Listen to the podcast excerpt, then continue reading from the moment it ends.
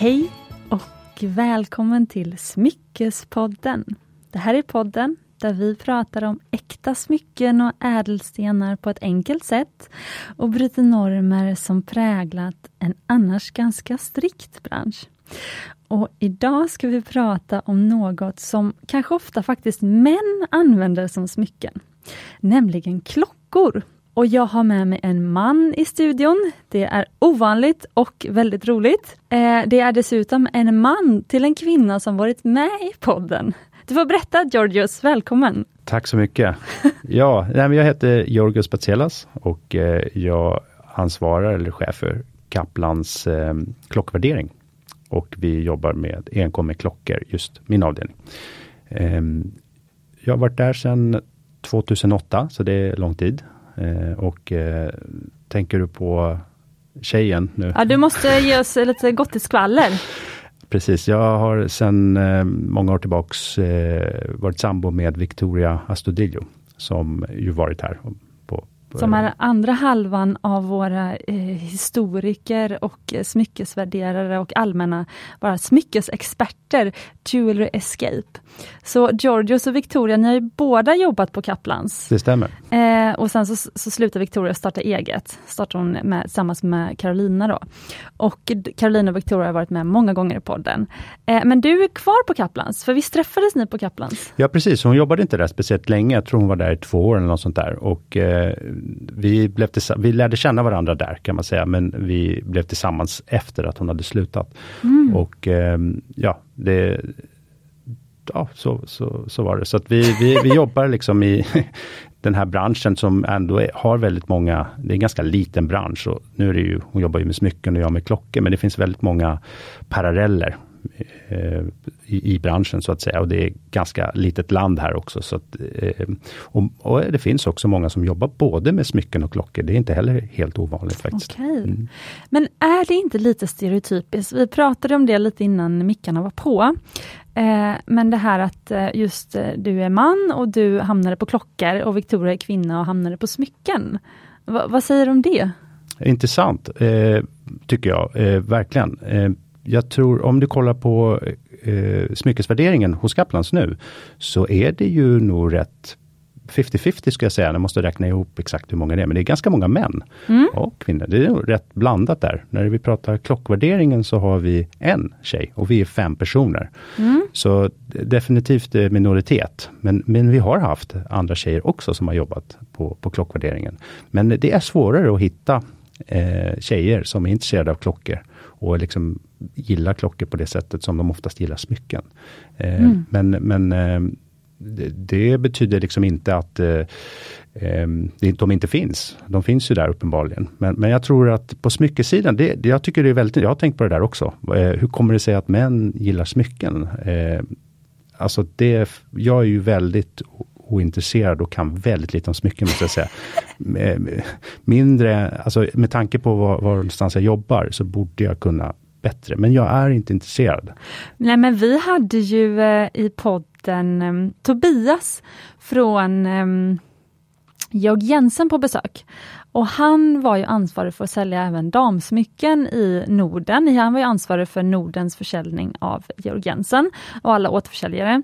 Och han hade inte på sig ett enda smycke och eh, var liksom inte sugen alls på att bära smycken. Och då fick jag ju kommentarer sen när jag hade släppt det här avsnittet att eh, det är ju helt sjukt, hur kan han inte ens låtsas vara intresserad av smycken när han kommer till en smyckespodd och jobbar med smycken? Men han var på riktigt bara intresserad av smycken till sin fru och till andra tjejer då.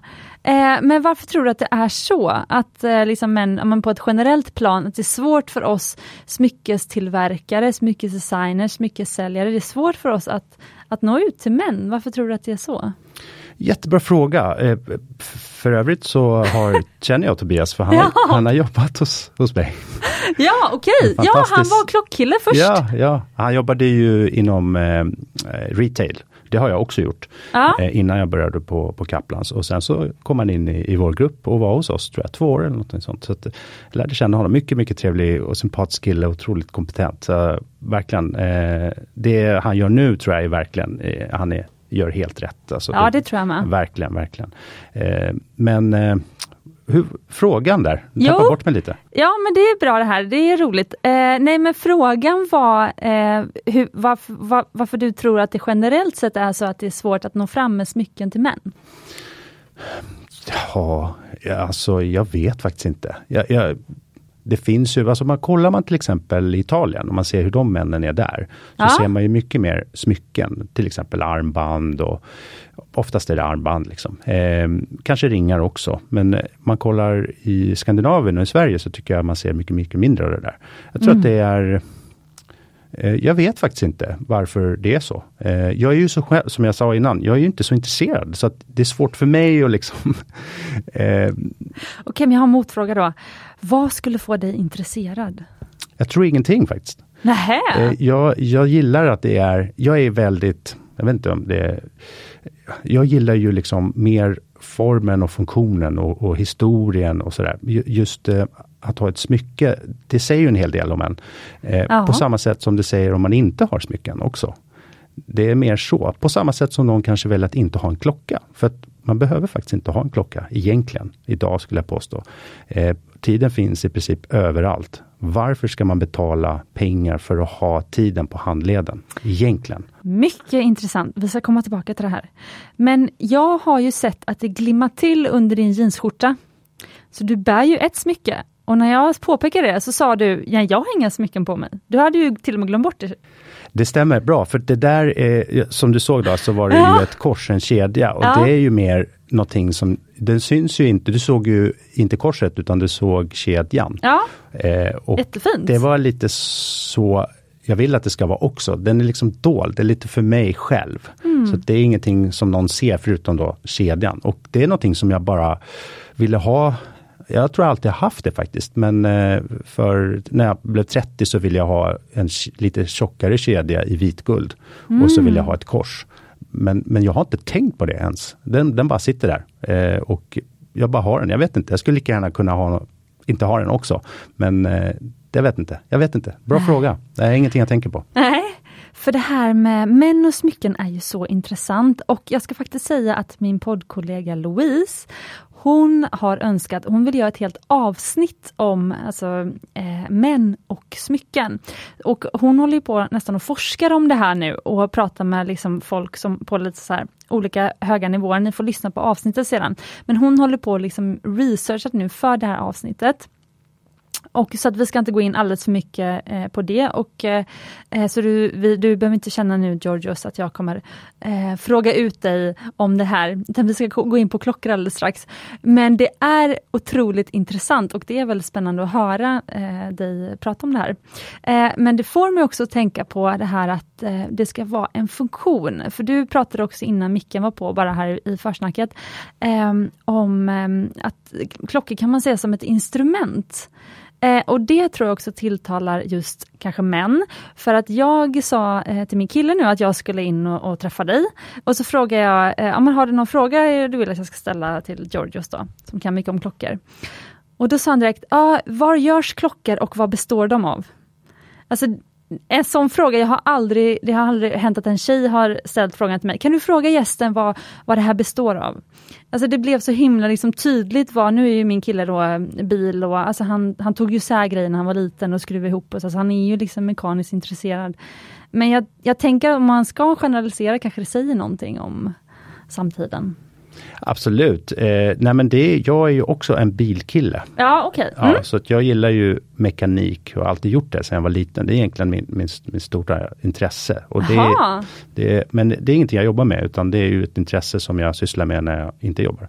Och det är ju framförallt motorsport och, och tävling fast på en amatörnivå. Så, Ah. så att för mig är det då också det mekaniska och eh, kombinationen man och maskin, alltså människa Mm, och maskin. Eh, och eh, hur man kan, ungefär som, alltså det är väl en fortsättning av hästen då. Och liksom, hä- hästen, Ja, sant. Precis, att, eh, det Mm. var ju också människa och djur. Och nu är det liksom människa och ett fordon eller Mm. mekanik. Och, eh, så att, så att jag har, den kopplingen har alltid funnits. Och det är också intressant det här med, med klockor och mekanik. Jag, jag märker att många av våra kunder som är lite mer intresserade av klockor också uppskattar oftast bilar och mekaniska. Mm. De kan gilla båtar också. Det, det är väldigt så här manlig grej. Liksom. Att eh, man uppskattar eh, speciella funktioner eller historien bakom. Och det finns väldigt mycket på de armbandsuren som har utvecklats idag av de starka varumärkena. En, en anledning till varför de gjordes och det var, då fanns inte mobiltelefonen. Då var det viktigt med att ha till exempel en klocka som tålde ett visst djup. För mm. att man mhm. utforskade haven då, och det här är på 50-talet och då tog man fram en klocka som skulle klara av ett visst tryck under vatten, för att man behövde det. Man behövde veta hur lång tid man var under vatten. Mm. Eh, man tog också fram klockor för, eh, för flyg, för man började, ja, dels behövde man räkna ut en massa saker på ett snabbt sätt. Man kunde ha en räknesticka till exempel, en, en vridring, så man kan räkna ut hastigheter och bränsle och massa saker. Som ju var på ett snabbare sätt och mer effektivt än de instrumenten som finns i cockpit. Eh, man eh, har också eh, använt sig av, eh, ja till exempel som vi nämnde innan med månklockan. Och man mm. hade med sig en, det var ju viktigt och det var eh, det har ju till och med räddat ett Apollo-mission när eh, deras, deras kapsel pajade. Det finns en film om det med, med, med Tom Hanks. Ja, du får berätta. Short story. Ja, det blir, och det blir ingen short story. Nähe, okay. Ni får se filmen, den ja, är, okay. det är jätte, jätte, jättebra. Ja. där liksom en klocka ändå räddar besättningen ombord för att eh, de var tvungna att räkna ut exakt hur mycket bränsle som fanns ombord och då hade de, alla astronauter har en Omega Speedmaster fortfarande faktiskt. Är det, det och det är den du har på dig nu? Det är den jag har på mig nu mm. eh, och jag gillar ju det här med historien. Men det mm. roliga med den här Speedmastern är att den togs fram 1957 för, som en raceklocka, alltså motorsport. Mm. Det var så Omega tog fram den här och det, jag gillar ju den historien också. Eh, men sen senare så råkade den här modellen eh, när de då höll på med rymdprogrammet under ja. 60-talet. Eh, de behövde helt enkelt, NASA behövde en klocka. Och då köpte de fem klockor och testade ut och då vann den här. Alltså mm. det var inte mhm. ens Omega, Omega visste inte ens om det här. Och då blev det den officiella NASA-klockan, den klockan som sen också landade på månen. Eh, så det är ju kul hur, det, hur den historien utvecklades också. Men är det tidtagningen som du säger att den utvecklas för motorsport?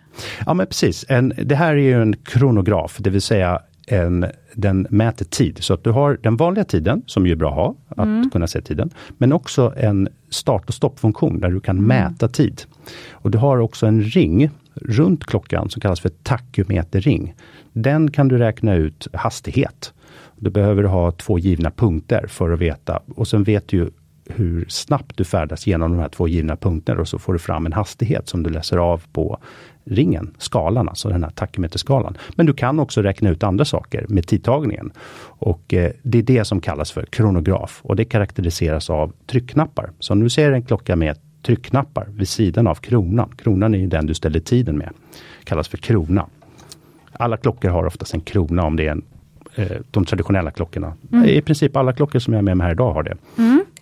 Och där ställer man tiden och sen bredvid dem då finns det två knappar. Då, varav du startar och stoppar kronografen. Så nu när jag startar kronografen här så börjar sekundvisorna och, ticka. Mm -hmm. Och sen har du då minuter och timmar. Så du kan se hur upp till 12 timmars tidtagning. Och så kan du stoppa den när du känner för det och så nollställer du. Är det därför den heter Omega Speedmaster? Precis. Bra. Okay, Bra. Wow. Eh, har den fler spännande funktioner som eh, jag inte visste om? Eh, ja men precis, det är en manuell klocka. Ja. Det vill säga att den är mekanisk. Det består mm. av mekaniska delar som dras upp manuellt, alltså du behöver dra upp den. och det behöver du göra i princip en gång per dygn. För då drar du upp fjädern manuellt och du drar den tills det blir stopp. Det brukar vara ungefär 20 varv. Det går på några sekunder och sen så eh, går den tills fjärden tar slut. Medan en automatisk klocka som är samma princip, det vill säga ett meka mekaniskt bestående ur. Det fungerar alltså inte på batteri eller alla eh, elektroniska hjälpmedel utan mm. samma princip med en fjäder, bara det att det finns en rotor på baksidan. Så när du rör dig så snurrar den här rotorn och då drar den upp fjädern automatiskt, därav namnet automatisk.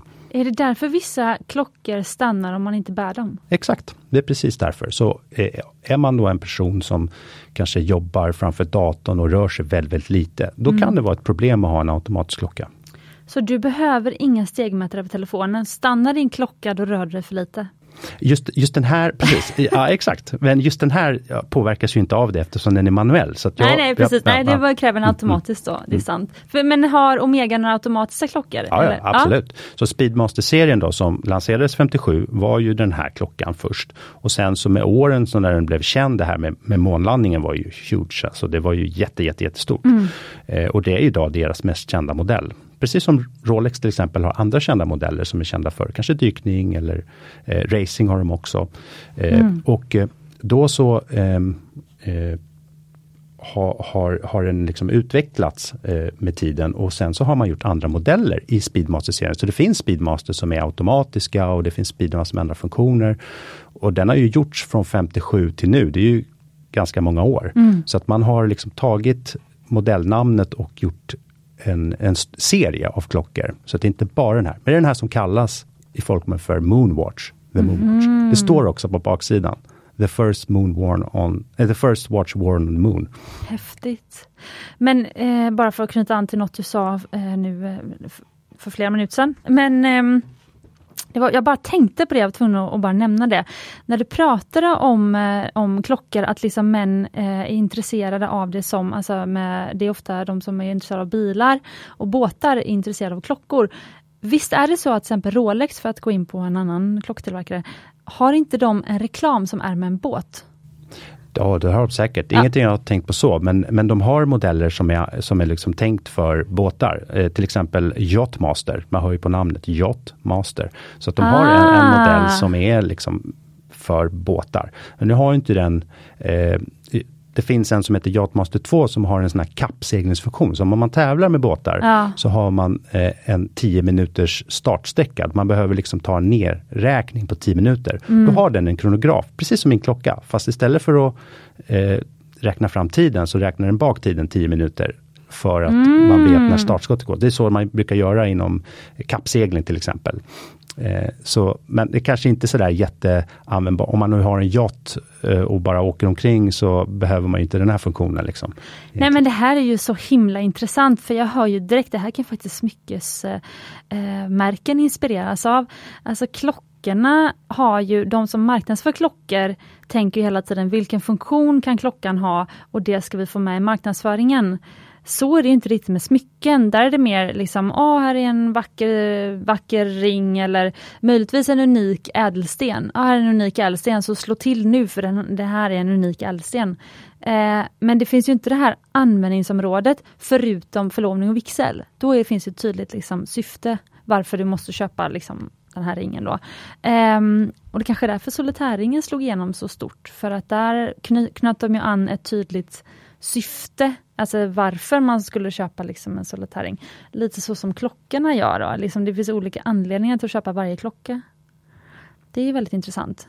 Absolut, så är, så är det. Och, och eh, många gånger så, alltså, de allra flesta kanske köper en klocka för att de tycker den är snygg också. Det, det behöver inte vara att bara för att man köper en till exempel Rolex Submariner så behöver man hålla på med dykning. Eller som jag, jag är inte astronaut och Visst, jag håller på med racing, men nu är den känd som en månklocka. Liksom. Det är ingenting jag... Ja, du vill ju ändå, för när du berättar om klockan, och jag filmar lite grann så jag lägger ut på Instagram, så ser ni den här klockan som George har på sig. Men när du skulle berätta om klockan, det första du gjorde var att du sa att det var den första som hängde med upp till månen. Ja, precis. Och det är det den är känd för, så ja. det är ju någonting som är kul liksom, att ha med sig. Alltså, jag skulle dra en parallell om man köper en, en sportbil, som man också egentligen inte behöver. Eh, man ska köra Ja, sant. Eller hur? Mm, mm. Eh, och den kanske har en toppfart på 300 km i timmen och du inte kommer köra på en racebana. Varför ska du ha en så snabb bil? Men det är väl känslan att veta att den kanske Exakt. kan göra 300 km i timmen och att den har vunnit många racetävlingar av, eh, i historien. För många gånger så gör man så också med bilar. Om man köper en sportbil så vill man gärna veta att den här sportbilen också har varit framgångsrik inom en raceserie så bygger man ju också upp liksom ja. varumärket och varför ska man då betala något som man egentligen inte behöver? Ganska mycket pengar dessutom. För var, var, varför just den här då jämfört med någonting annat? Och då skapar man det här eh, känslan då hos folk att man, man tänker på historien, hur framgångsrika de har varit, att det är mycket, det är bra prestanda, bra kvalitet. Och det är den här jag, jag känner att jag liksom kopplar med, inte med det här andra märket som till exempel är från ett annat land eller vad det nu är för någonting. Som en personlig preferens. Liksom. Precis. Ja men då fattar jag också att du tycker att det är meningslöst med smycken för ett smycke kan ju inte göras till något, kan ju liksom inte användas till något. Ja det här var ju väldigt spännande faktiskt. Um, men Louise, du får eh, fortsätta forska i det här helt enkelt. Ehm, men eh, nu har du kanske fått ännu en liten vinkling på ditt eh, program sen om män versus smycken då. Eh, men Georgios, jag tänkte att nu har vi ju inte ens kommit vidare från introt här, men jag tänkte att eh, du ska berätta ändå lite grann om dig själv och din bakgrund. Eh, och sen så ska vi gå in på Kaplans förstås. Eh, jag är väldigt glad att ha Kaplans ännu en gång i podden. Eh, innan har vi haft Karl Springe i podden. Han var med i avsnitt 65 som hette Kaplans lyssnafrågor om trender, smyckesvärdering och aktioner. Eh, och han jobbar ju på smyckesidan, så ni som är intresserade av eh, smyckesauktionen på Kaplans, eh, lyssna på det avsnittet. Men idag ska vi alltså prata om klockor och det är faktiskt specifikt damklockor för att Kaplans har en aktion på G. Eh, och jag tycker att det är spännande. Kaplans är ett väldigt anrikt företag. Jag tycker det är väldigt kul att ha med några med så mycket kunskap och eh, eh vad heter heritage på svenska? Det heter eh, eh, arv eh, i podden så att jag är väldigt eh, hedrad av att ni vill vara med igen. Och sen ska vi gå igenom alla de här härliga klockorna som ligger framför oss nu. Ehm, du har tagit med dig nio klockor. Eh, och det har också din kollega Sanna varit med och valt ut. Ja precis, jag bad eh, Sanna välja ut eh, hennes favoriter. Ja. Och sen så bad jag henne att berätta för mig varför. Jag och Sanna har jobbat ihop alla åren egentligen. Mm. Hon har jobbat hos oss, hon har faktiskt varit där längre än vad jag har. Men hon har inte varit alla år på klockvärderingen. Men det är en person som, precis som alla andra på klockavdelningen, vi är väldigt tajta och eh, jobbar väldigt nära liksom. Så att vi, vi tycker om varandra såklart. Eh, men Sanna, eh, hon är grym och då bad jag henne som sagt välja ut det här och sen så lite grann. Så att jag har, jag, jag, jag tänkte vi kommer säkert gå in på, på ah. just varför vi har valt ut de här nio. Då. Exakt. Jag kan säga att det är ju bara för att ge en liten cliffhanger här till, till senare i avsnittet så har vi klockor som är värda är det allt att de är värda? Man kan säga att det som står på etiketterna är utropspriser. Ja, okay. det, så att det är ju minst det eller mer. Då. Precis, då är det utropspris på auktionen som klubbas, när klubbas auktionen? 15 oktober. 15 oktober. Vilket är en lördag. Mm, det är en lördag. Mm. Eh, så från 11 000 upp till 92 000 i utropspris. Det här är alltså riktigt coolt. För att jag hade inte kunnat säga vilken klocka som var värd 11 och vilken som var utrop 92 om jag bara hade tittat på dem så här. Så att eh, det här blir supercoolt och som vanligt så kan ni hänga med på Instagram. Eh, och sen tänkte jag också spara till slutet här, eh, Georgios, jag säger det redan nu, för att eh, jag skulle vilja sen att du eh, nämner dina topp tre favoritklockkklassiker på slutet. Mm, får ha det i bakhuvudet. Ja, okay. Men eh, Berätta bara innan vi sen går över till huvuddelen, lite kort om dig och hur det kom sig att du hamnade som klockansvarig på Kaplans. Ja precis. Eh, jag började med klockor redan 1999 och då jobbade jag hos eh, Rickard Dahlgren, heter han, eh, som fortfarande driver Ericssons urhandel. Så att det var ju en återförsäljare för flera olika märken. Eh, de finns kvar idag också och ehm, där lärde jag mig väldigt mycket om eh, klockor. För att jag var intresserad innan. Jag har alltid varit intresserad av klockor och bilar. Mer bilar faktiskt, men klockor har alltid fascinerat mig. Och det var ett rimligt eh, steg för mig att ta att börja jobba med det också. Det var tack vare en, en god vän som hade börjat innan mig. Och sen så var jag kvar där sju, åtta år någonting och sen kände jag då att jag ville ta ett steg till. Och då lockade auktionsbranschen mig. Mm. Och då fanns det en plats på, hos Kaplans 2008 då det var ganska nytt. Det hade hållit på i ja, tiotal år ungefär. Men de byggde upp det. Det var två personer där som, som jobbade innan som hade byggt upp hela avdelningen som var otroligt kompetenta, skulle säga de bästa i, i Skandinavien, kanske en av de bättre i, i världen också. Mm. För, före alla andra kan man säga och eh, när jag kom in där så fick jag lära mig ännu mer om klockor och då fick jag också lära mig om äldre klockor, Eh, vilket är intressant också om fickur och eh, eh eftersom vi hanterar väldigt mycket klockor där, både för försäljningar på auktion men också när vi gör värderingsintyg. Eh, och eh, det var ett bra team, vi blev fler och eh, det höll på fram tills 2016 då de här gick över till ett annat auktionshus och eh, då lämnade en plats tom som chef då för avdelningen. Då var jag den mest seniora på avdelningen. Och sen byggde vi upp en, en eh, ny klockvärdering. Och vi, som, jag, som jag nämnde innan, fem personer nu. Och eh, eh, ja, där är vi nu kan man säga. Och de här klockorna som ligger framför oss på bordet och som nu är med i Kaplans aktion, var kommer de ifrån? De kommer från privatpersoner som har, precis som alla andra klockor som vi får in, eh, vi valt ut dem för just den, enkom den här aktionen. Då har vi eh, tänkt att vi vill ha lite grann av allt. Vi vill ha det klassiska traditionella damuren med, med, stenar. Vi vill ha moderna klockor i storlek, men vi vill också ha de klassiska. Så att, eh, därför, det är också en anledning till varför vi har valt ut de här. Eh, klockor som är ganska heta nu, både märken, storlekar, färger, eh, utföranden, olika funktioner också. Eh, så det är därför variationen är väldigt eh, bred. Mm. Det är både sådana med läderband och det är, lite, det är med guld, det är med diamanter och ja, lite olika. Um, men berätta först bara, vad Kaplans och just Kaplans klockavdelning. Hur ser, vad skiljer smyckena från klockorna till exempel? Och där på, om man som kund kommer in på Biblioteksgatan, det är ju Kaplans, många känner ju till själva butiken på Biblioteksgatan. Um, kan du inte berätta lite grann om, om den och om klockor och deras relation till smyckena? Ja, alltså det finns många likheter men det finns också många saker som skiljer. Och det mm. har du redan nämnt eh, som är det väsentliga. Det är ju att det finns en funktion, det vill säga en, eh, ett urverk i som visar tiden eller, eller mer. Eh, och eh, det, det är den stora skillnaden. Sen finns det likheter som att man använder ädelmetall, att designen är speciell, att man har olika typer av design.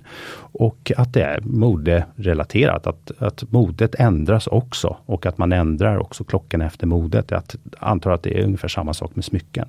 Eh, men, men om man ser till historien så är ju liksom armbandsurets historia ungefär 100 år gammalt. Mm. Jag menar smyckes Smycken är nog mycket, mycket äldre, eller är mycket, mycket, mycket äldre. Om man går tillbaks ännu mer i tiden så, så de här hundra åren är alltså armbandsur, roughly. Eh, innan dess var det ju fickur. Mm. Eh, och det kanske är då eh, 200 år eller kanske ännu mer. Eh, så att med just att ha klockor och, och urverk kommer väl från liksom kyrkklockor till början och sen väggur och sen blev det fickur och sen blev fickur en armbandsur och så har det liksom utvecklats. Det är inte speciellt gammal historia. Eh, Medan hur gammal är en diamant?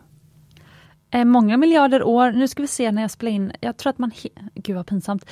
Men jag spelade in det stora avsnittet om diamanter, avsnitt 24 tror jag det var. Och då lärde jag mig att man hade, alltså man har brutit diamanter i Kina i 1000 eller 2000 år. Har jag, nej, Indien. Indien. Ett eller 2000 år. Men det var ju först på slutet av 1800-talet som man började bryta i, eh, liksom kommersiellt för typ i Sydafrika bland annat.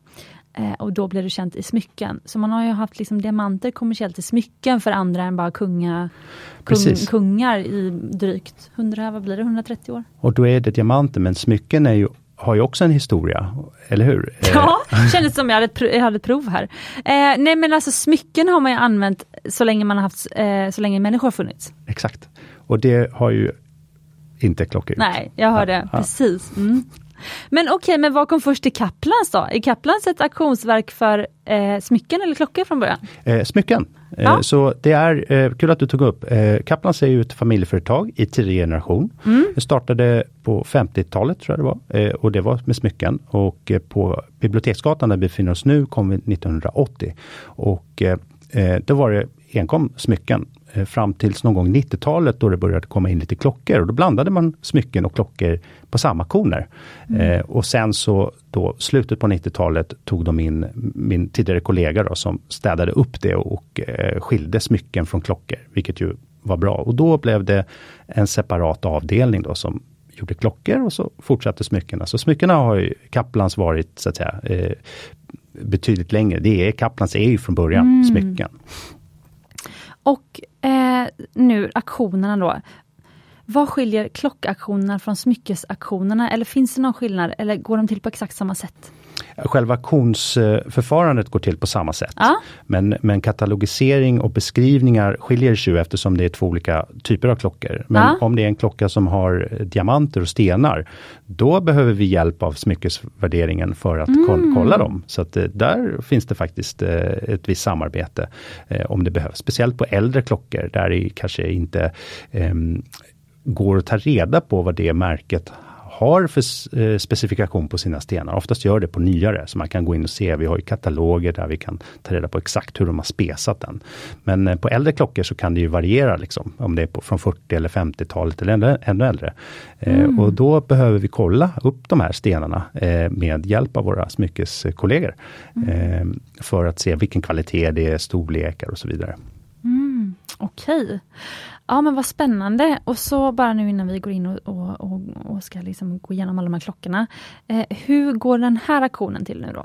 Den här auktionen går till på samma sätt som en smyckesauktion. Ja. Eh, vi börjar den 14 oktober med visning hela dagen. Då öppnar vi eh, dörrarna klockan 10 Mm. och det är öppet ända till klockan 18 och vi stänger.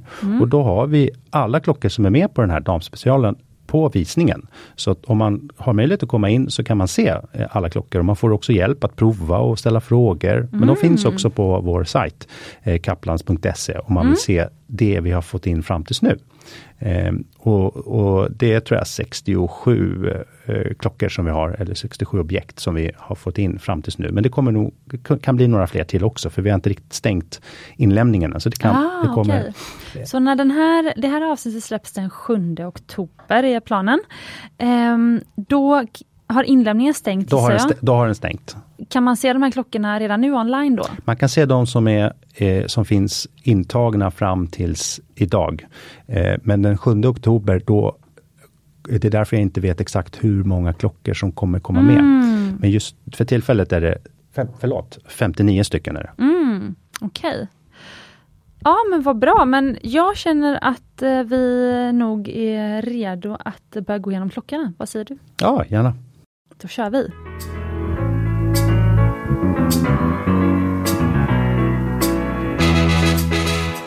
Okej, Georgios, berätta. Nu har du tagit med dig nio klockor som du och Sanna har valt ut.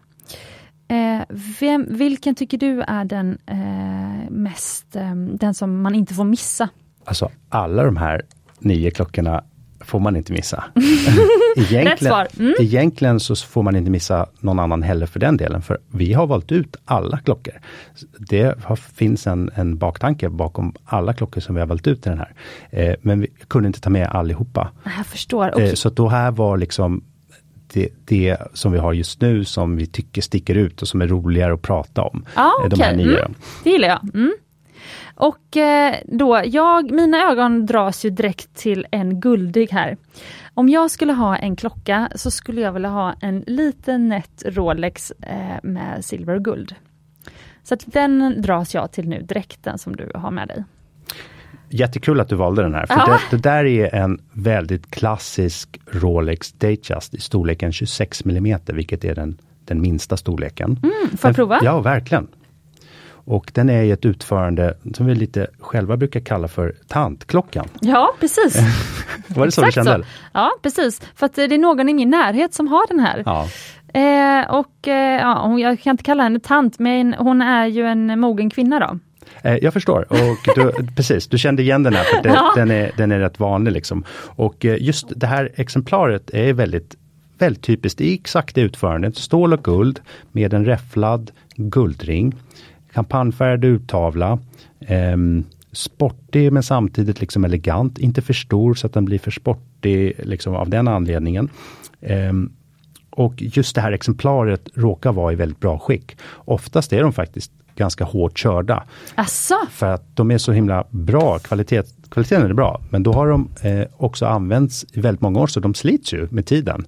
Ehm, och eh, det här exemplaret har inte använts på det sättet utan att det är väldigt eh, välbevarat helt enkelt. För jag måste ju ställa då eh, min killes fråga som var, vad är klockor gjorda av? Då kan jag ju fråga, vad är den här gjord av? Ja, den, materialet det man ser det är ju rostfritt stål och 18 karats guld. Och det som då ser ut som guld är guld.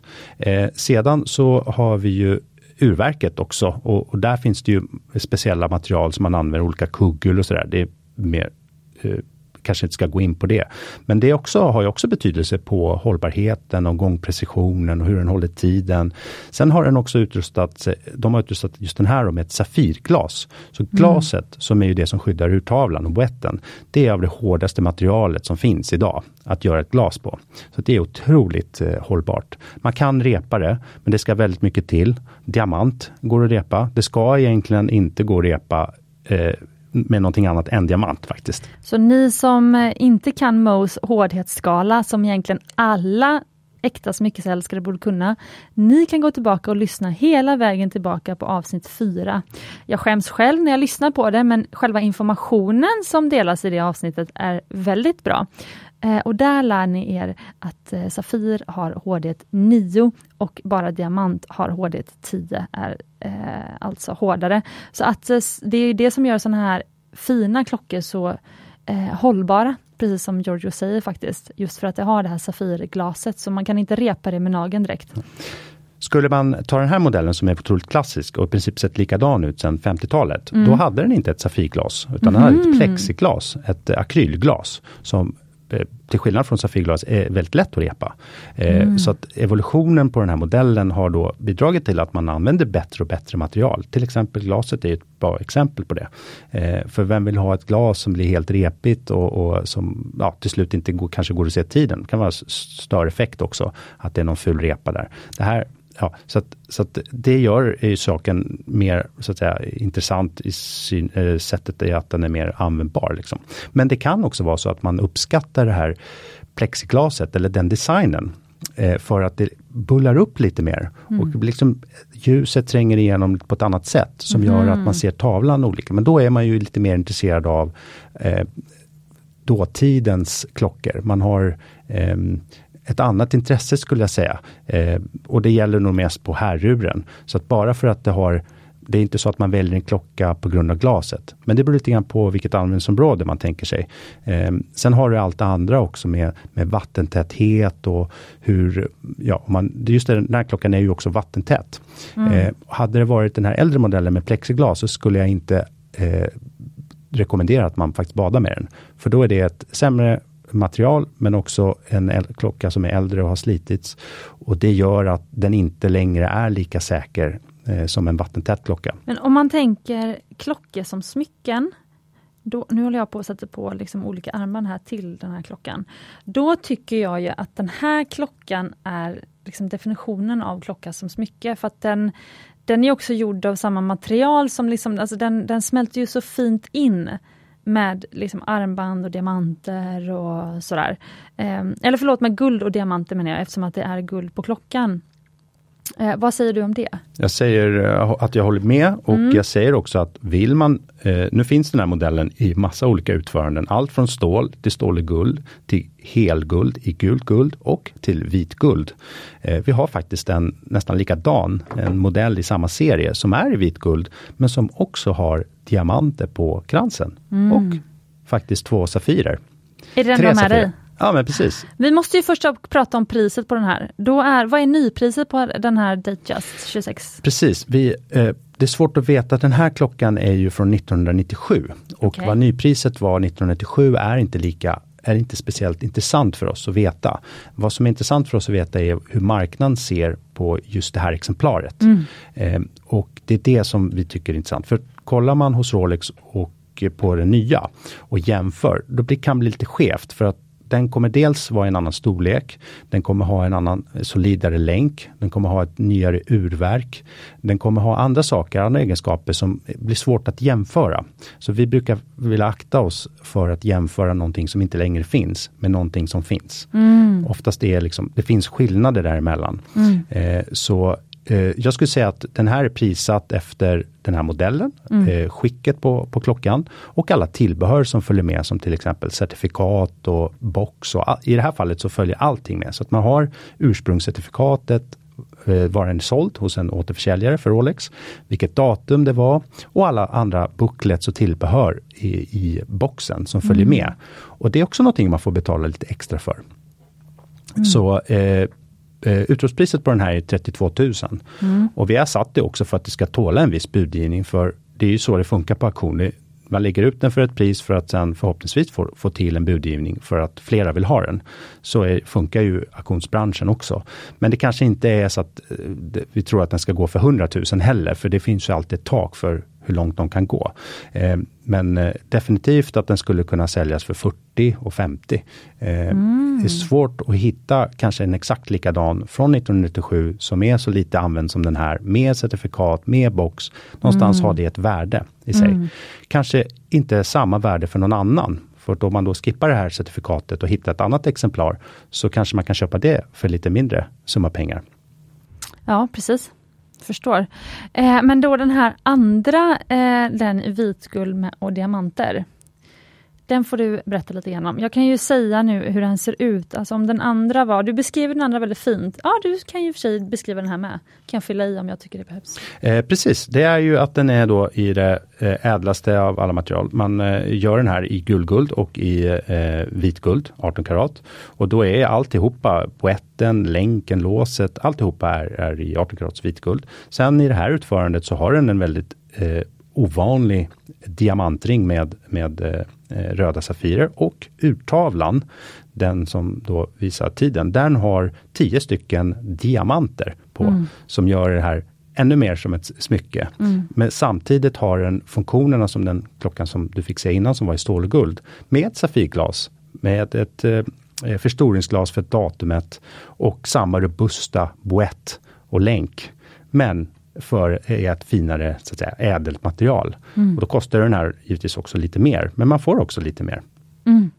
Ja, alltså den är ju inte billig den här. Nej, det är den inte och eh, visst eh, så kostade nog den här mycket mer eh, när den var ny eh, än vad den gör idag. Och, eh, och, det är ju en smaksak om man vill ha i vitguld eller guldguld. Det är det man får tänka ut först. Tycker man den är snygg? Gillar man diamanter?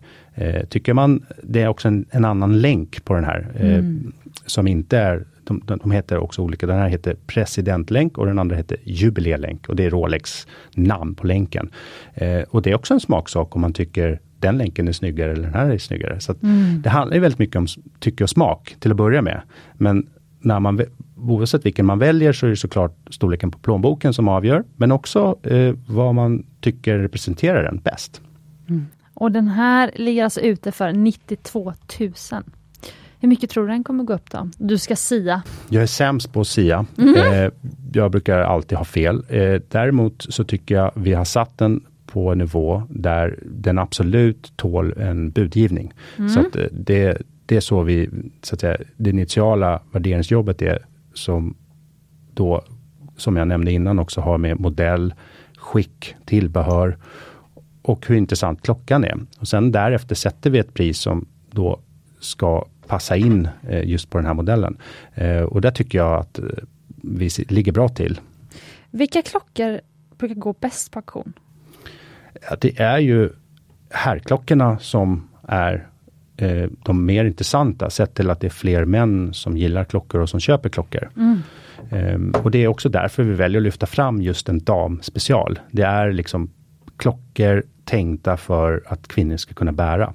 Men då hör ju jag också att det är ju, nu är det ju fantastiska möjligheter att göra klipp på klockor för om man vill ha eh, damklockor. För eh, till exempel en av de andra tjejerna som är, brukar vara med i podden, Hanna, hon bär ju bara herrklockor.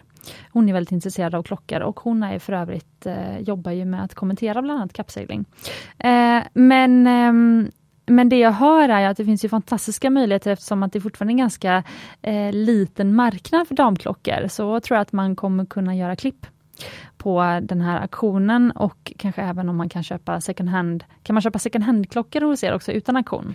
Eh, alltså alla de här är någonstans second hand. Ja förlåt, ja, men till fast pris eller vad ska jag säga? Ja det kan man göra, absolut. Då, ja. då, då, har vi dem i, i, i butiken. Eh, ja. så, så, då kan man, eh, det som vi har i butiken eh, det kan man köpa rakt av över disk, precis som man kan köpa alla smycken som finns i butiken. Mm. Eh, men det finns mycket, många fler smycken än vad det finns klockor. Mm. Men det finns ett urval där. Men eh, på auktion, alltid när vi får in en klocka hos oss, så går den alltid ut på auktion först. Så, så att den kommer inte Precis. gå ut ur Mm. butiken. Så att det är bättre om man nu är ovan vid eh, auktioner, att man kanske försöker ta reda på lite mer så att man kan vara delaktig. Varför inte vara med i salen när den väl klubbas? Det är ju jättespännande och kul. Eh, jag, jag ser ju eh, nya kunder varje auktionstillfälle. Både män och kvinnor som, som kommer och, och, och ibland vinner de den, ibland inte. Och man ser hur glada de är hur, hur spännande det är också att vara Ja, med. Precis. Eh, och då får man ju tänka, då får man ju, tycker jag då, vara med på visningen, ställa alla frågor som man vill, läsa katalogiseringen, beskrivningen på klockan så man vet hur gammal är den, behöver den service? För det är också någonting som vi inte har pratat om och det är ju det här med funktionen. Den är ingen klocka har ju en, det är ingen evighetsmaskin utan de är liksom gjorda för att hålla ett visst antal år. Brukar säga ungefär 5-6 år. Så bör Va? man, ja, det är vad de allra flesta tillverkarna rekommenderar. Så får tänka att eh, den här mekaniska delen i klockan, tänk att den visar alltså väldigt exakt tid med en massa kugghjul och fjädrar och eh, massa delar egentligen och den svänger uppemot 27 000 svängningar per timme. Balansen i klockan som snurrar hela tiden. Och den regleras också av eh, gravitationen, det vill säga att om du har klockan uppe eller nere eller eh, det finns fem olika positioner. Så när du går så har du handen på ett visst sätt. När du sitter framför datorn har du handen på ett visst sätt. Och allt det här måste justeras in så att den precisionen, alltså hur bra klockan går, är så exakt som möjligt. Eh, det är ju ett mekaniskt, på samma sätt som en bilmotor. Den behöver också serva. Precis. Eh, så, så att det är egentligen ingen skillnad. Och Det är också någonting som är bra att, att, att tänka på. Att när man köper en, eh, en begagnad klocka, att man behöver räkna med att någon dag kommer den här behöva servas. Det kan vara ganska snart, men det kan också vara efter ett tag. Men om den servas så håller den väl jättelänge? Ja men precis, dels så ska man ju gå tycker jag då, till en återförsäljare som är, representerar märket eh, för att få bästa service. Och sen så när det är gjort så brukar de oftast lämna två års garanti. Eh, och man byter ju också samband ut packningar som håller klockan tät från fukt och eh, vatten om den är vattentät, men också damm och andra saker som kan skada klockan. Eh, och då, de här torkar ju också med tiden, så om du köpte en klocka för 20 år sedan och aldrig använt den, så kanske den faktiskt kommer behöva en service, för oljorna har torkat ut under de här 20 åren och packningarna har torkat, även fast du inte använt den. Så det är väldigt mycket på tid också.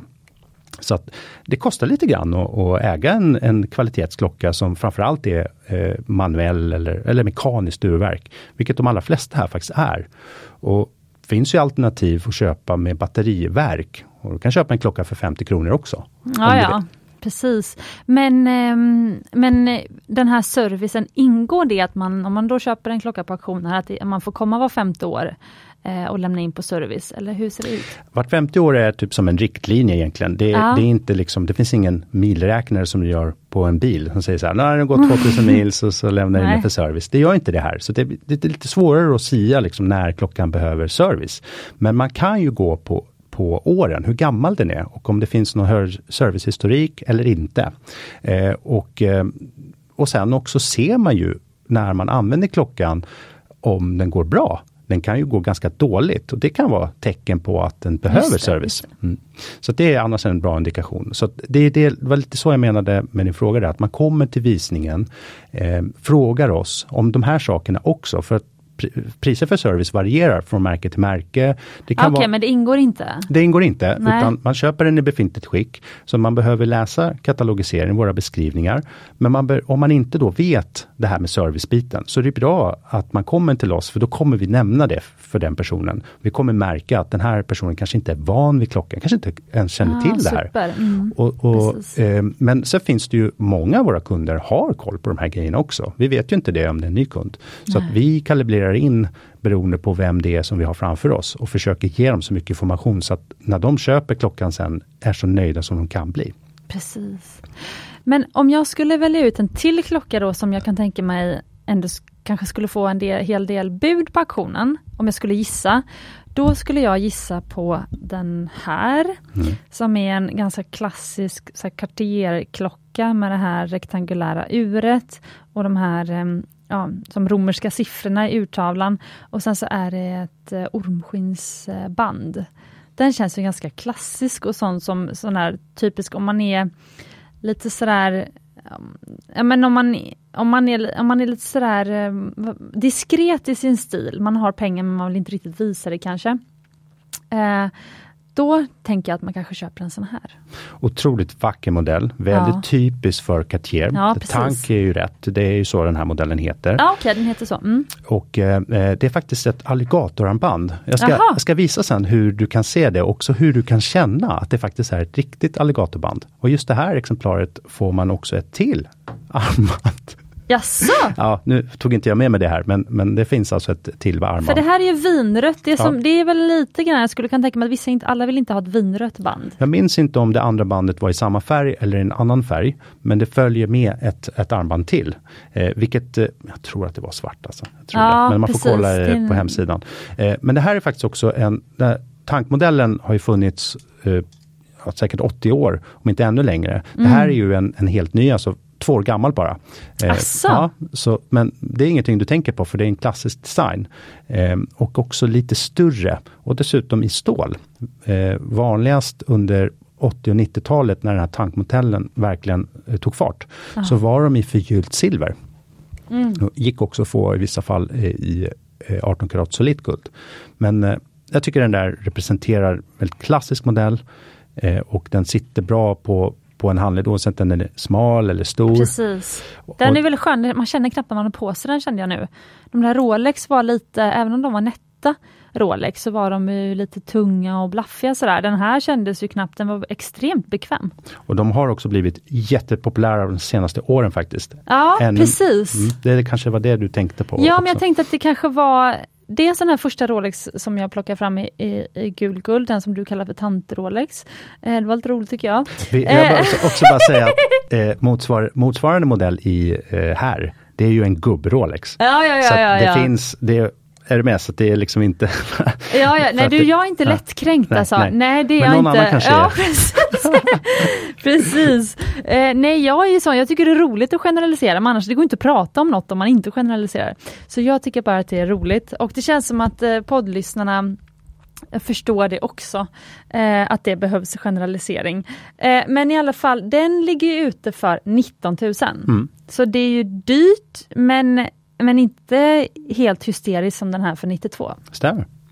Men vad ligger den på ny då? Om Den är bara två år gammal. Det kommer inte jag ihåg faktiskt, men det är nog lite mer än vad den kostar i alla fall. Så att man får betala också provision när man köper den här. Så det är ju auktion och sen är det ett utlåspris då på 19 000.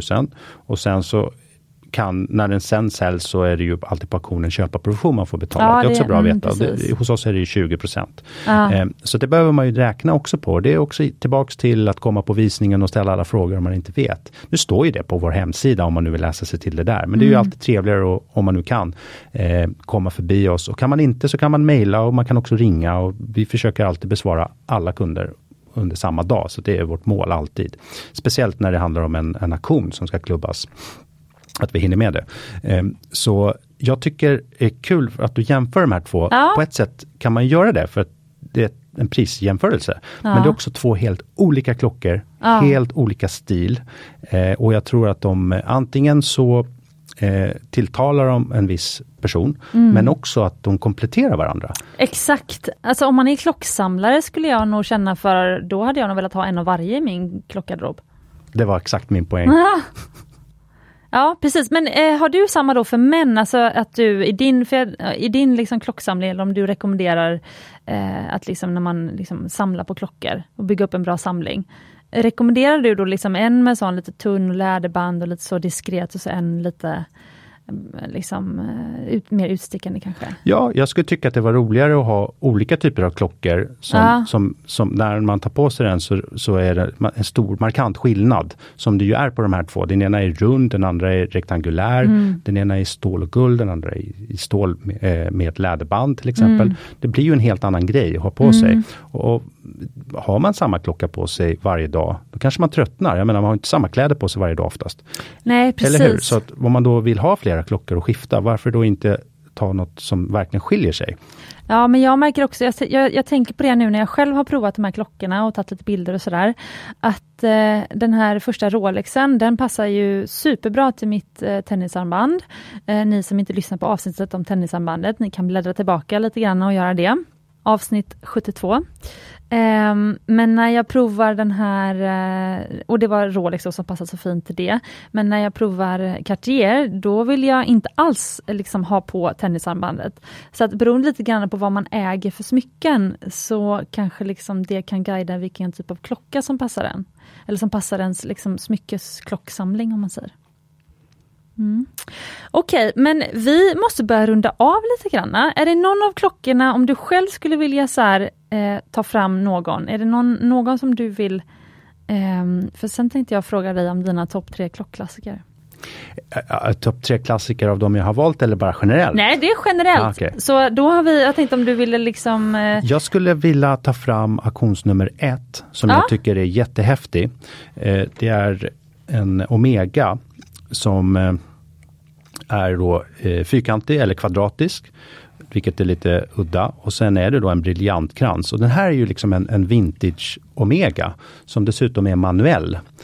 Väldigt, väldigt udda. Jag tror att väljer man en sån här, skulle jag se någon som hade den klockan på sig, så skulle jag bli väldigt mycket mer intresserad av den personen än till, till exempel den här Rolexen som du valde, som ju är väldigt mycket vanligare. Mm. Jag skulle undra varför de hade valt just en sån och lite grann eh, bakgrunden till det.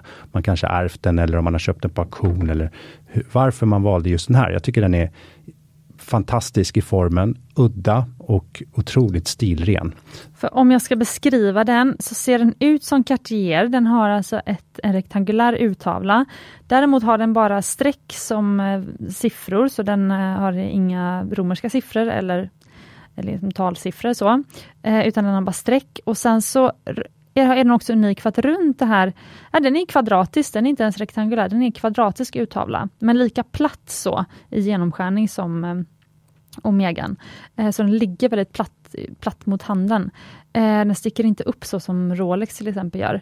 Ehm, Ehm, där, där, har du också det här plexiglaset. Ja, det är plexiglas. Ja, du ser att det sticker upp. Liksom, ah, okay. ja, så att det blir en, en, en, annan liksom, känsla i det här. Sant. Det ser mer vintage ut än någon annan klocka här faktiskt. Sant, men det som är häftigt är att runt den här liksom fyrkantiga, ja, är det stålram? Eh, det är vitguld. Ja, det är vitguld, mm. okej. Okay. Eh, då är det alltså helt med diamanter. Så det är täckt med, det är väldigt många diamanter som går runt om hela den här kvadraten, runt hela urtavlan.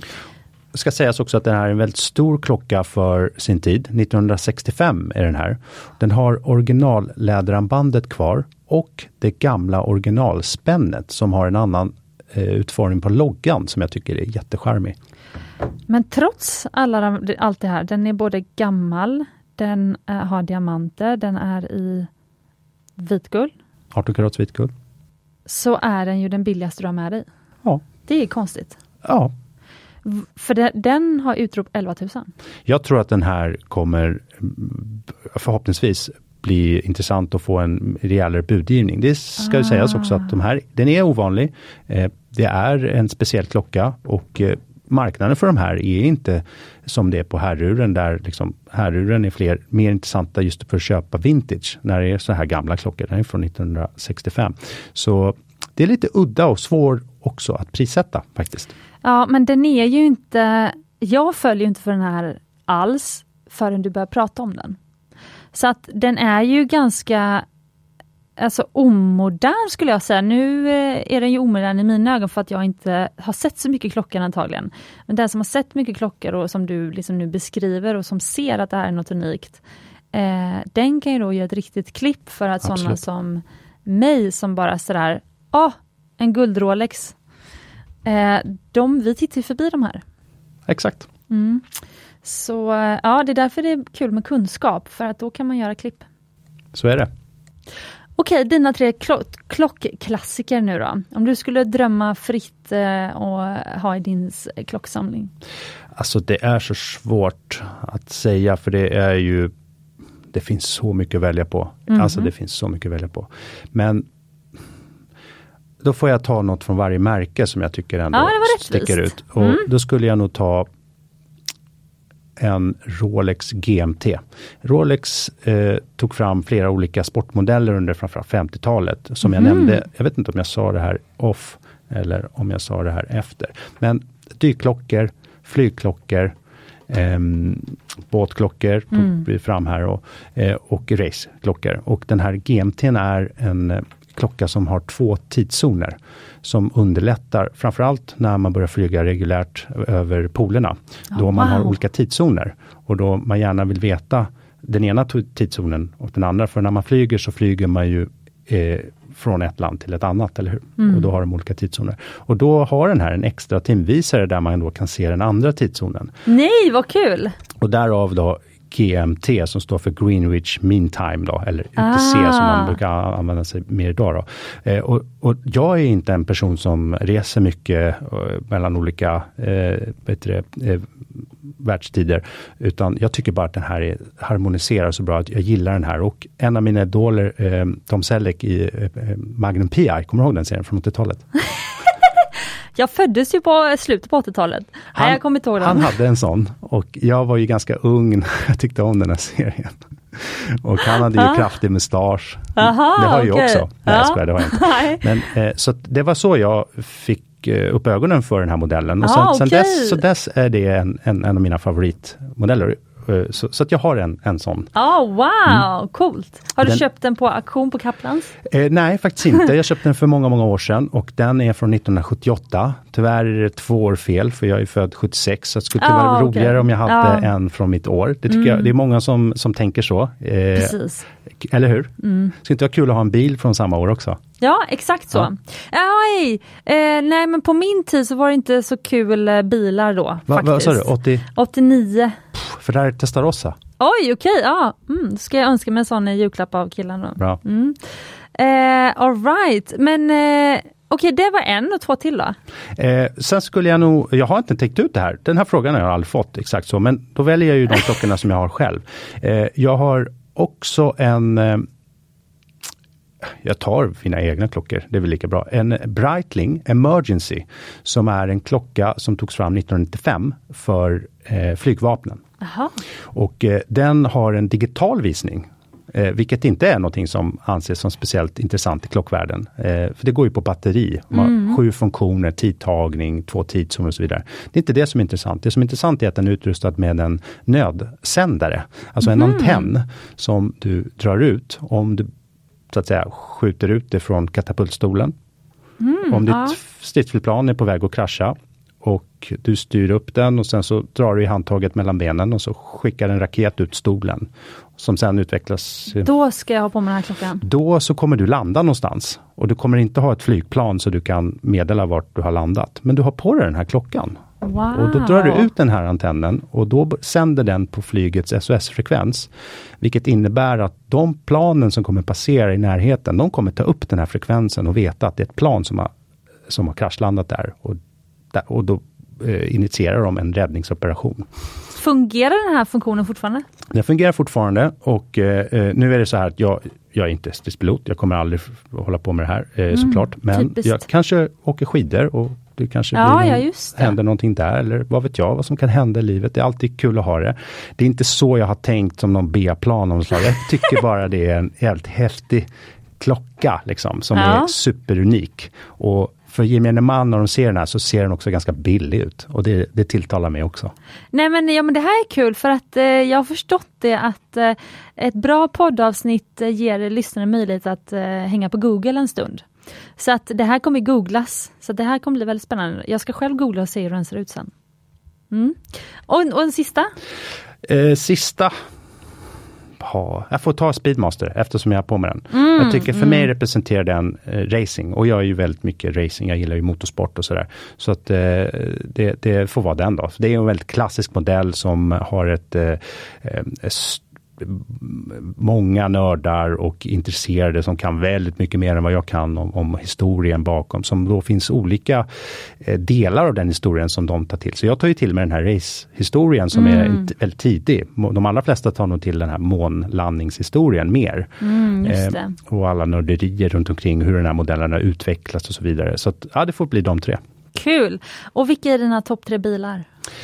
Eh, också en jättebra fråga. Eh, jag tror Ferrari F40 som också fanns då.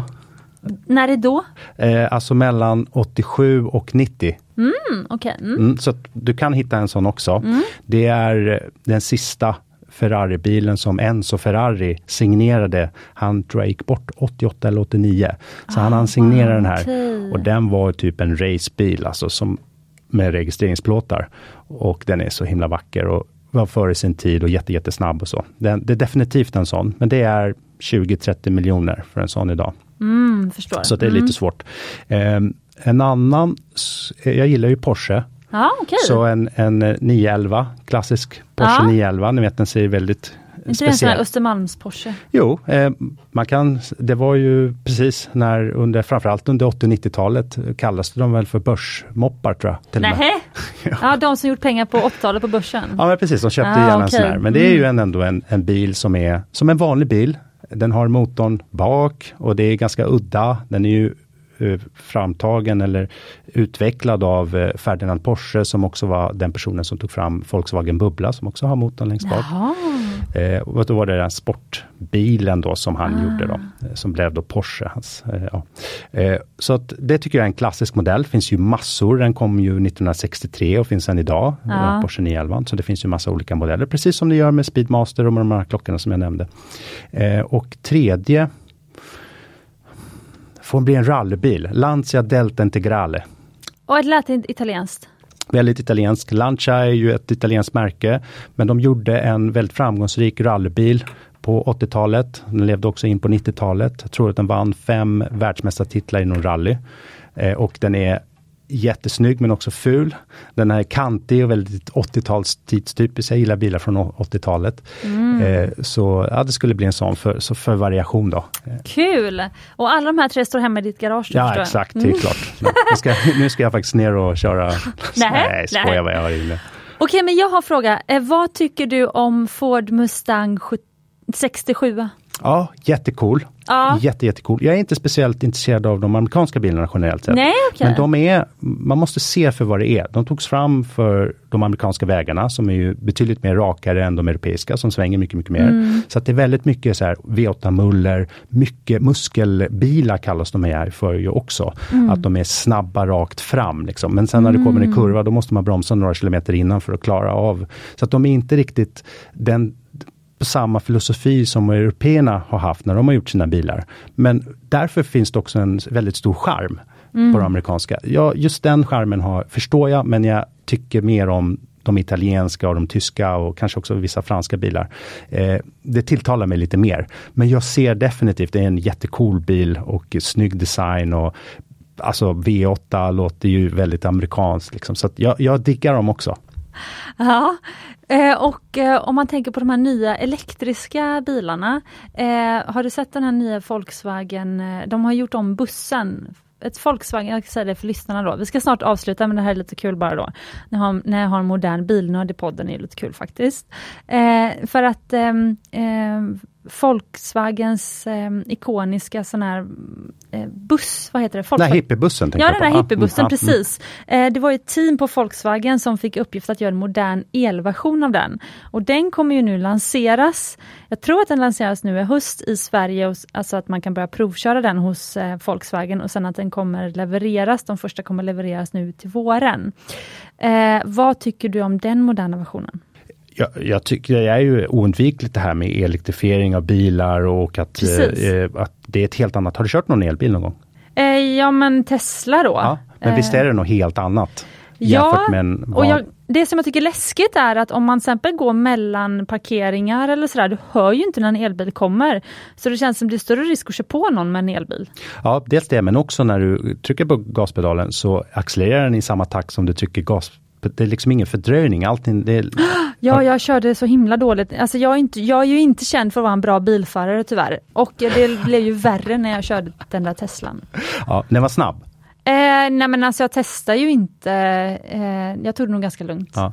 Nej, jag, jag, tror att det är naturligt liksom att, eh, jag gillar ju också hybrid eh, med plug-in. Eh, eh, det finns ju en problematik med laddningen ju. Man, ja. Det är ju faktiskt inte hundraprocentigt än, så att man kan inte, kanske inte förlita sig då helt och hållet på elbilar än i alla fall. Men fram tills dess så tycker jag de här laddhybriderna är väldigt bra. För då mm. har man alltid en reserv, så om man nu ska åka en längre resa så kan man ju tanka vanlig bensin. Men kör kör man mest in i stan eller de här korta resorna som man oftast gör faktiskt, då kan man köra på el. Och det, det tycker jag är, det tilltalar mig just nu mer. Eh, mm. Men eh, visst, det det kommer bli intressant att se nu när vi inte längre har motorljud. Nu tänker jag mer på sportbilar, för mm. de levererar väldigt mycket känslor. Och det Precis. är ju vibrationer och det är motorljud och det är det är vi vana vid med oljelukt och bensin och allt sånt här. Det kommer nog ta ett tag att, att vänja sig, men vi kommer alla behöva vänja oss därför att det är där så Precis. utvecklingen ser ut nu. För, för att knyta tillbaka till klockor faktiskt. Det jag har lärt mig av det här avsnittet som var lite otippat, det är ju att klockor är ju förknippat med otroligt mycket känslor. Och jag hör ju både dig prata om klockor och bilar och jag hör min kille prata om bilar och sättet som han också pratar om motorer, motorljud och det här att liksom Jag tror för att han ska komma in på elbil så behöver det låta lite granna på något härligt sätt. Eh, liksom för ljudet är känslor för honom i, när det gäller bilar. Och du sitter här och nickar. Så det här var ju väldigt härligt faktiskt. Jag visste inte att ni var så känslosamma. Eh, det är ju faktiskt väldigt kul. Ja, mm. ta ja tack. eh, men har du någonting som du vill eh, säga till ehm, lyssnarna som har med eh, klockor att göra av det här avsnittet? Jo, men nu när vi ändå pratat om eh, damaktionen, damspecialen som vi har här, så, så ska jag tycka det var jättekul och det gör, ser jag ju varje aktion att det kommer nya kunder som inte eh, vill lära sig mer om klockor. Och det är jätte roligt att komma in till oss och fråga någon specialist där. Vi är flera stycken på plats alltid och fråga och kolla och känna och, och liksom eh, lära sig någonting. Eh, det upplever jag alla mina kollegor, inklusive mig själv, eh, verkligen uppskattar att göra. Mm. Och då sitter ni på eh, vardagar på Biblioteksgatan 5? Stämmer bra. Så det är bara att gå in på lunchen? Ja, det är öppet. Kul! Jättekul! Eh, och eh, du som lyssnat, Eh, kom ihåg att du kan alltså du redan nu gå in online och kolla på de här klockorna och sen så kan du även komma till er och prova klockorna. Så de klockor som jag har provat här, de kan även du prova. Och aktionen klubbas igen? 15 oktober, det är en lördag och eh, vi öppnar klockan 11 på lördagar och eh, aktionen börjar klockan 1. Och man kan vara med live eller online? Stämmer bra. Kul! Så att vem som helst i vilket land som helst Stämmer. kan alltså buda på de här klockorna. Vad roligt! Stort tack för att du tog dig, hit och, tog dig tid att komma hit. Tack så mycket för att jag fick vara med. Mm. Och hur kan man följa er? Just det, det höll jag på att glömma. Men om man vill veta mer om eh, Kaplans och klockorna, kan man då följa er på, i någon social kanal kanske? Ja, vi har på eh, Instagram och vi är även, eh, det är väl på Instagram som är lättast tror jag, mm. Kaplans Watches heter vi där. Mm. Eh, men också enklast är att gå in på hemsidan kaplans.se. Väldigt enkel och, och lätt sida att ta sig igenom. Är det aktioner vi vill se så klickar man aktioner så får man se exakt alla aktioner inklusive smycken och klockor och mode och allt som vi har i vilken följd. Det är alltid senaste högst upp och så kan man gå in och klicka och så ser man när inlämningen stänger, hur, mycket, hur många objekt vi har tagit in, eh, när aktionen är och så vidare. Så att, eh, och är det så att man har frågor utöver det, då är det väldigt lätt att ja, mejla oss eller komma in eh, mm. eller ringa. Super! Och eh, så vet jag även att Instagramkontot Kaplans aktioner finns. Ja men precis. För den också. följer Smyckespodden. Ja men precis. Mm. Jag sa Kaplans Watches men det är såklart också Kaplans aktioner. Ja, så det är två Instagramkonton. Ja men precis. Bra! Super! Ja men då ska jag släppa iväg dig då med de här eh, härliga klockorna. Och så du som lyssnar, eh, hoppas att du tyckte att det var kul att lära dig mer om klockor. Eh, om du har eh, tankar eller åsikter eller kommentarer så glöm inte att eh, jag älskar att eh, få eh, DMs, personliga meddelanden till eh, Smyckespoddens Instagram, där vi heter Smyckespodden. Och ehm, ofta så kan jag även dela det då, lite så här reposta det som ni har skrivit, såklart anonymt om ni inte vill bli taggade, men generellt gör jag det anonymt. Och så brukar vi eh, få igång lite så spännande diskussioner i stories. Så in på Smyckespoddens Instagram. Och eh, då återstår det väl bara för oss att eh, säga att Eh, ha en, ni ska ha en riktigt härlig dag. Och eh, glöm inte att eh, ni är värda både äkta smycken, ädelstenar och vackra klockor. Och bilar! Mm. Det bästa livet. Ja, precis.